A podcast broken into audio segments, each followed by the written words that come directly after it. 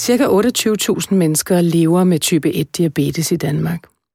De fleste diagnoser stilles i aldersgruppen 5-14 år, hvilket vil sige, at der knytter sig til et forældre til brugeren. Men voksne og ældre får også i stigende grad stillet den her diagnose. Faktisk er det over halvdelen af de personer, der årligt får diagnosen type 1-diabetes, som er over 30 år.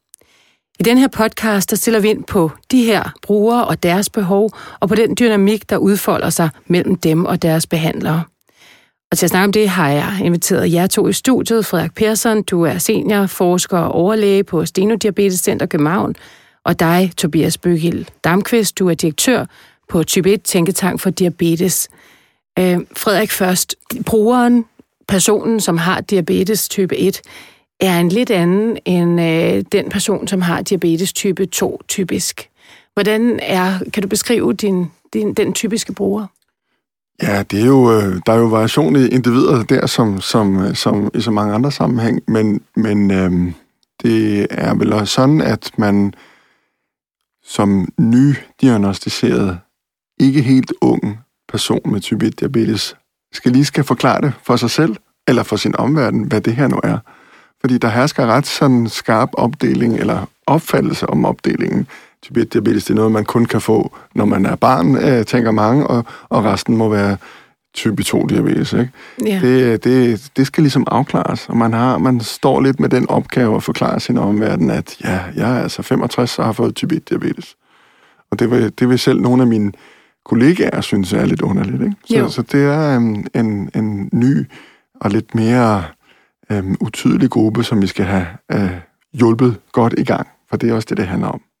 Og i det, du siger, så lyder det næsten som om, at der nogle gange er en, en slags... Øh, er der en dom fra øh, omgivelserne over type 2 i forhold til type 1? Ja, altså der er i hvert fald nogen, der møder, møder i mange af de her fordomme med, øh, som man typisk også knytter til type 2 diabetes, ikke? Altså det er noget, man selv er skyldig og så videre. Og det kan det jo aldrig være, når det er en autoimmun tilstand, vel? Så, så det skal man jo i gang med at forklare. Ja. Så dialogen mellem behandlerverden og brugerverden, altså det er jo en, et, en spænd, et spændfelt mellem system og individ.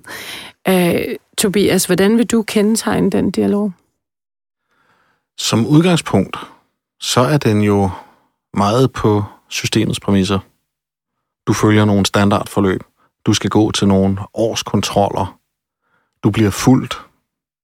Du bliver tildelt noget udstyr. Du får bevilget noget udstyr. Men, men heldigvis så er der også en, en stigende forståelse for, altså hvordan inddrager vi brugerne? Hvad er, hvad er mine behov? Hvad er mine muligheder? Så det går i den rigtige retning, men, men det er meget en, en, en systemdefineret relation. Er du enig, Frederik? Ja, jeg er fuldstændig enig, og det sjove er, at det har vi jo som system levet øh, i, uden at tænke mere over det. Det er jo først, når der kommer brugere forbi og er organiseret som Tobias og kompagni, og gør os opmærksom på, hvorfor skal vi følge et system, som er lagt i schema? Med, jeg skal, hvorfor skal jeg komme til kontrol fire gange om året, fordi I altid har gjort det?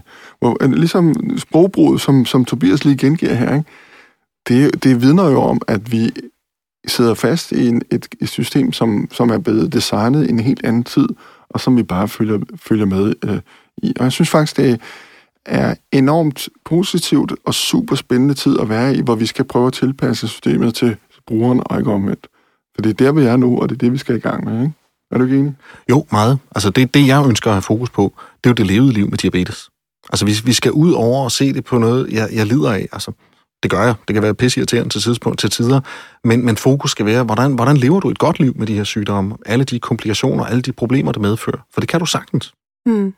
Jeg fornemmer jo, at brugerne, og specielt øh, jer, der er organiseret, er en, øh, Altså, det er en gruppe med meget agens, med mange ressourcer, øh, med evne til at definere behov osv., og, og dertil ligger der jo også, at mange er børn, og der står der to forældre med nogle meget akutte interesser øh, på vegne af de børn. Hvordan påvirker det relationen, Frederik? Øh, overvejende positivt. Det, det er så nemt, kan det siges. Altså, det, det er da klart, at man som system eller som behandler bliver nødt til at, at stramme sig lidt an, når der kommer tre personer ind, som har spørgsmål i stedet for en øh, som, som stiller nogle nye øh, spørgsmål, eller nogle nye, har nogle nye forventninger. og det øh, kan man sige generelt, så er vi jo så, sådan et sundhedsvæsen, og øh, med dets behandlere er jo ganske konservative og langsomt reagerende. Øh, men der er heldigvis øh, tålmodighed endnu blandt brugerne, men vi er ved at, at prøve at, at forbedre os.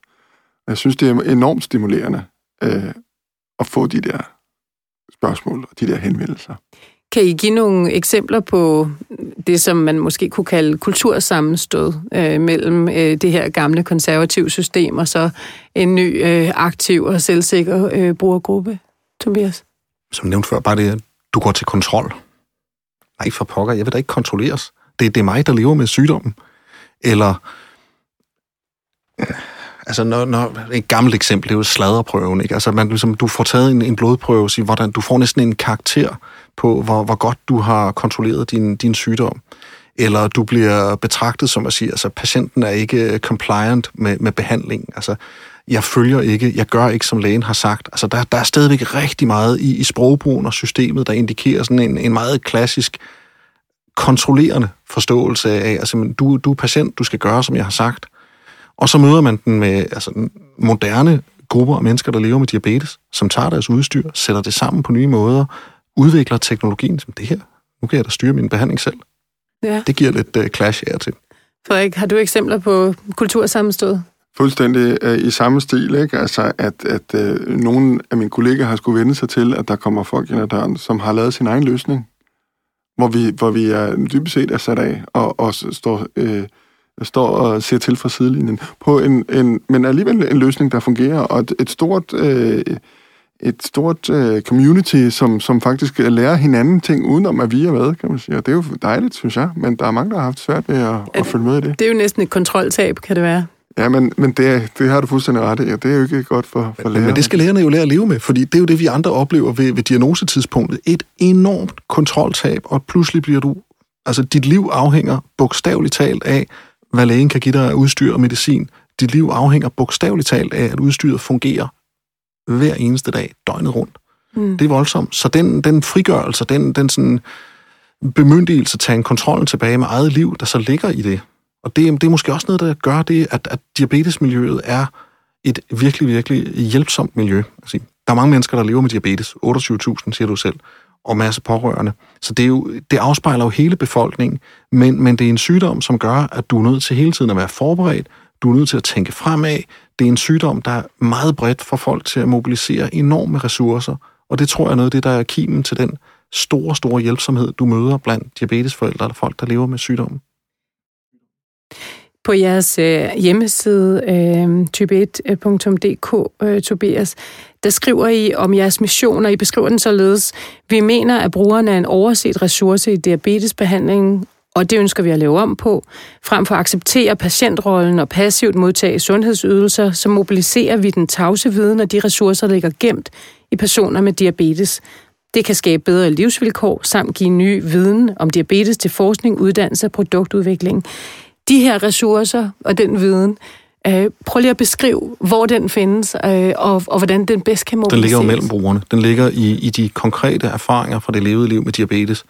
Det er jo for eksempel sådan noget med at sige, hvis du begynder at dyrke en ny sport, jamen, hvad gør den her type intervaltræning med, med det? Altså, det kan jeg ikke spørge Frederik om, men lur mig, om ikke der er en 10-12, jo, du er meget veltrænet, det kan jeg sikkert godt. Frederik, han, han men, sætter dig lige nogle store øjne. Det gør men, men lur mig om ikke, jeg kan finde en, en 10-12 andre mennesker i, i mit netværk, som har prøvet det, som har gjort sig nogle erfaringer, og de er villige til at dele den. Jamen, så laver vi en gruppe, hvor man kan tale om det. Du har et kæmpe netværk blandt øh, kvinder med diabetes i forbindelse med graviditet. Det er virkelig, virkelig, virkelig svært at styre diabetes under en graviditet. Der er rigtig mange tips og tricks, i stedet for at du bare bliver fortalt, hvordan du gør det. Tal med nogen, der har været der, eller er der selv det giver tryghed, det giver en konkret praktisk hjælp. Det lyder jo farligt, det her, øh, Frederik, som, øh, som behandler øh, at have et, øh, et stort netværk, der fortæller hinanden øh, gode råd og så videre. Er det, altså, hvordan opleves det som læge? Er det øh, en kilde til stress og frustration og øh, frygt, eller er det egentlig en stor ressource? Altså, nu talte du selv om kontroltab før, ikke? Mm. Og noget af det, det sprogbrug, som, som har været øh, øh, klippet til det her tidligere, øh, antyder jo, at, at hvis, man ikke, hvis man ikke gør, som lægen siger, så må det være din egen skyld det hele, ikke? Sådan er det er jo lidt det, der ligger i det der, ikke? Og i virkeligheden, så er det jo ikke noget nyt. Altså, det, det, det er jo ikke noget nyt. Det er jo dejligt at få det, få det sat, sat, sat, øh, sat ord på, og man får det ind i konsultationsrummet også, at der er, øh, at man taler åbent om det her. Men ved alle kroniske tilstande, hvor øh, lægen har ordineret noget medicin, så ved vi jo godt, at det er langt fra alle, der følger den her ordination. Det er også et dejligt ord, ordination, ikke? Øh, så det er jo ikke noget nyt. Vi, skal jo bare, vi har altid vidst, at det her øh, øh, foregik, og det foregår også med alle mulige andre tilstande. Så, så den eneste vej frem, det er at lytte og tage det ind og, og være med i virkeligheden. Men, men der er to ting, der er nye. Altså fordi vi har brugergrupper organiseret i Diabetesforeningen i, i årtier. Gode, fornuftige tilbud til, til forældre med diabetesbørn, til unge grupper, alt muligt. Og vi ved, at peer-to-peer-grupper, de virker. Men, men det, der er det nye, det er jo for det første understøttelsen via sociale medier. Du kan finde det meget, meget mere nuanceret, meget, meget mere specifikt til dine livsvilkår og din situation på tværs af hele verden. Og det andet, det er altså også teknologistøtten. Den giver også nogle helt nye muligheder for, for os, der lever med sygdommen. Tobias, både Diabetesforeningen øh, og jer, I lavede jo i sidste år en række input til en national sundhedsaftale. Øhm, og i de input øh, fremgik der følgende, at I vil have bedre sammenhæng i behandlingen, højere og mere ensartet kvalitet i det nære sundhedsvæsen, adgang til det rette sundhedsudstyr, forebyggelse af ulighed i sundhed og i det hele taget forebyggelse øh, af øh, forskellige komplikationer i forbindelse med jeres øh, diagnose. Hvor meget politisk magt oplever I, at I har? Meget lidt, vil jeg sige. Øh, nej, øh, der er nok desværre en, en, en tendens for at uh, til i de her år, at, at kampen mod, uh, mod diabetes, det er blevet til en krig mod mennesker, der lever med diabetes. Vi oplever fra medicintilskudsnævnet, fra kommunerne, regionale budgetter, altså et fokus på at skære ned og tilpasse til noget, der er godt nok.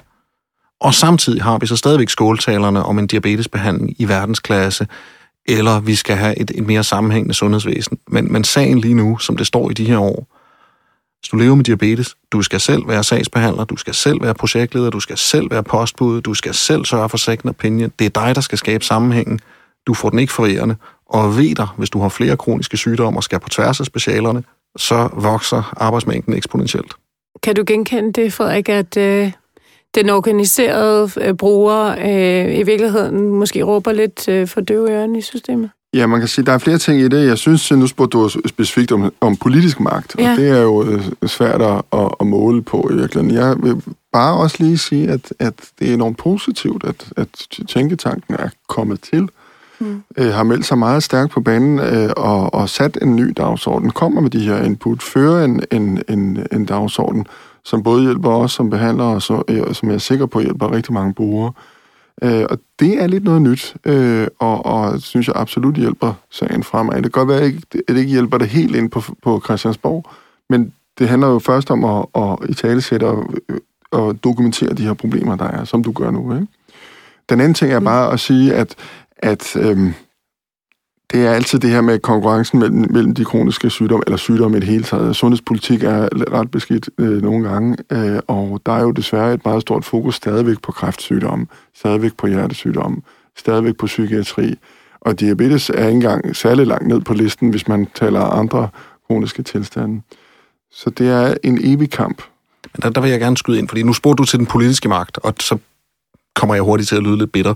Det, der i virkeligheden er, det er jo ikke at slås med ressourcer med de andre sygdomme. Det, vi vil som tænketank, det er jo at gå foran og vise de gode eksempler. Sige, når vi nu har forskellige adgang til teknologi, jamen så laver vi en teknologiguide og viser på tværs af regioner og kommuner, hvad er faktisk tilgængeligt i Danmark, så sætter vi netværk op, som gør, at vi kan samle brugererfaringer ind systematisk og struktureret, skalere det, lukke nogle af de huller, der er i systemet. Og det kan vi gøre på frivillig basis og vise, jamen der er faktisk en, et civilt samfund, der kan løfte nogle opgaver. Vi gør det også med oplæring i teknologi. Men det kan vi bruge. Moderne sociale medier, hjælpe hinanden. Vi gør det med nogle af de her slagsmål, man støder ind i med kommunerne. Deler gode tips og tricks, ansøgninger. Hvordan navigerer du i det her system? Gør det nemmere at leve med sygdom. Helt kort, hvordan kan sundhedsvæsenet indrettes til at imødekomme jer langt bedre? Vi skal lytte meget, meget mere. Øhm, altså, vi skal inddrages som brugerrepræsentanter, når for eksempel regionerne laver udbud. En bruger er ikke, altså Frederik er ikke en bruger, når vi taler insulinpumper. Det er mig, der er det. Eller forældre til et barn med diabetes. Vi skal sørge for, at når man designer nye processer, jamen lyt da til dem, det går ud over. Lyt da til dem, der deltager aktivt, fordi så får du meget, meget bedre ressourcebrug. Frederik, hvad, hvad tænker du, hvordan kan sundhedsvæsenet indrettes til at være fleksibel, imødekommende og bedre? Øh, der er to ting, ikke? og det som, som du siger, Tobias, brugerinddragelse skal være givet på alle niveauer, helt ned til hver klinik, og næsten også i forskningsprojekter osv. Mm. Øhm, vi laver faktisk forskningsprojekter, som handler om brugerinddragelse. Vi har øh, ligesom fået øjnene op for det, og det er da en, en start i hvert fald. Øh, og så, øh, så det skal være, det skal være helt givet, at, at det er en del af, af hele processen, og så skal behandlerne også bare flytte sig lidt hurtigere, hvis jeg må sige det sådan. Tusind tak skal du have. Frederik Persson, seniorforsker og overlæge på Steno Diabetes Center København, og Tobias Bøgel Damqvist, direktør i type 1 Tænketank for Diabetes.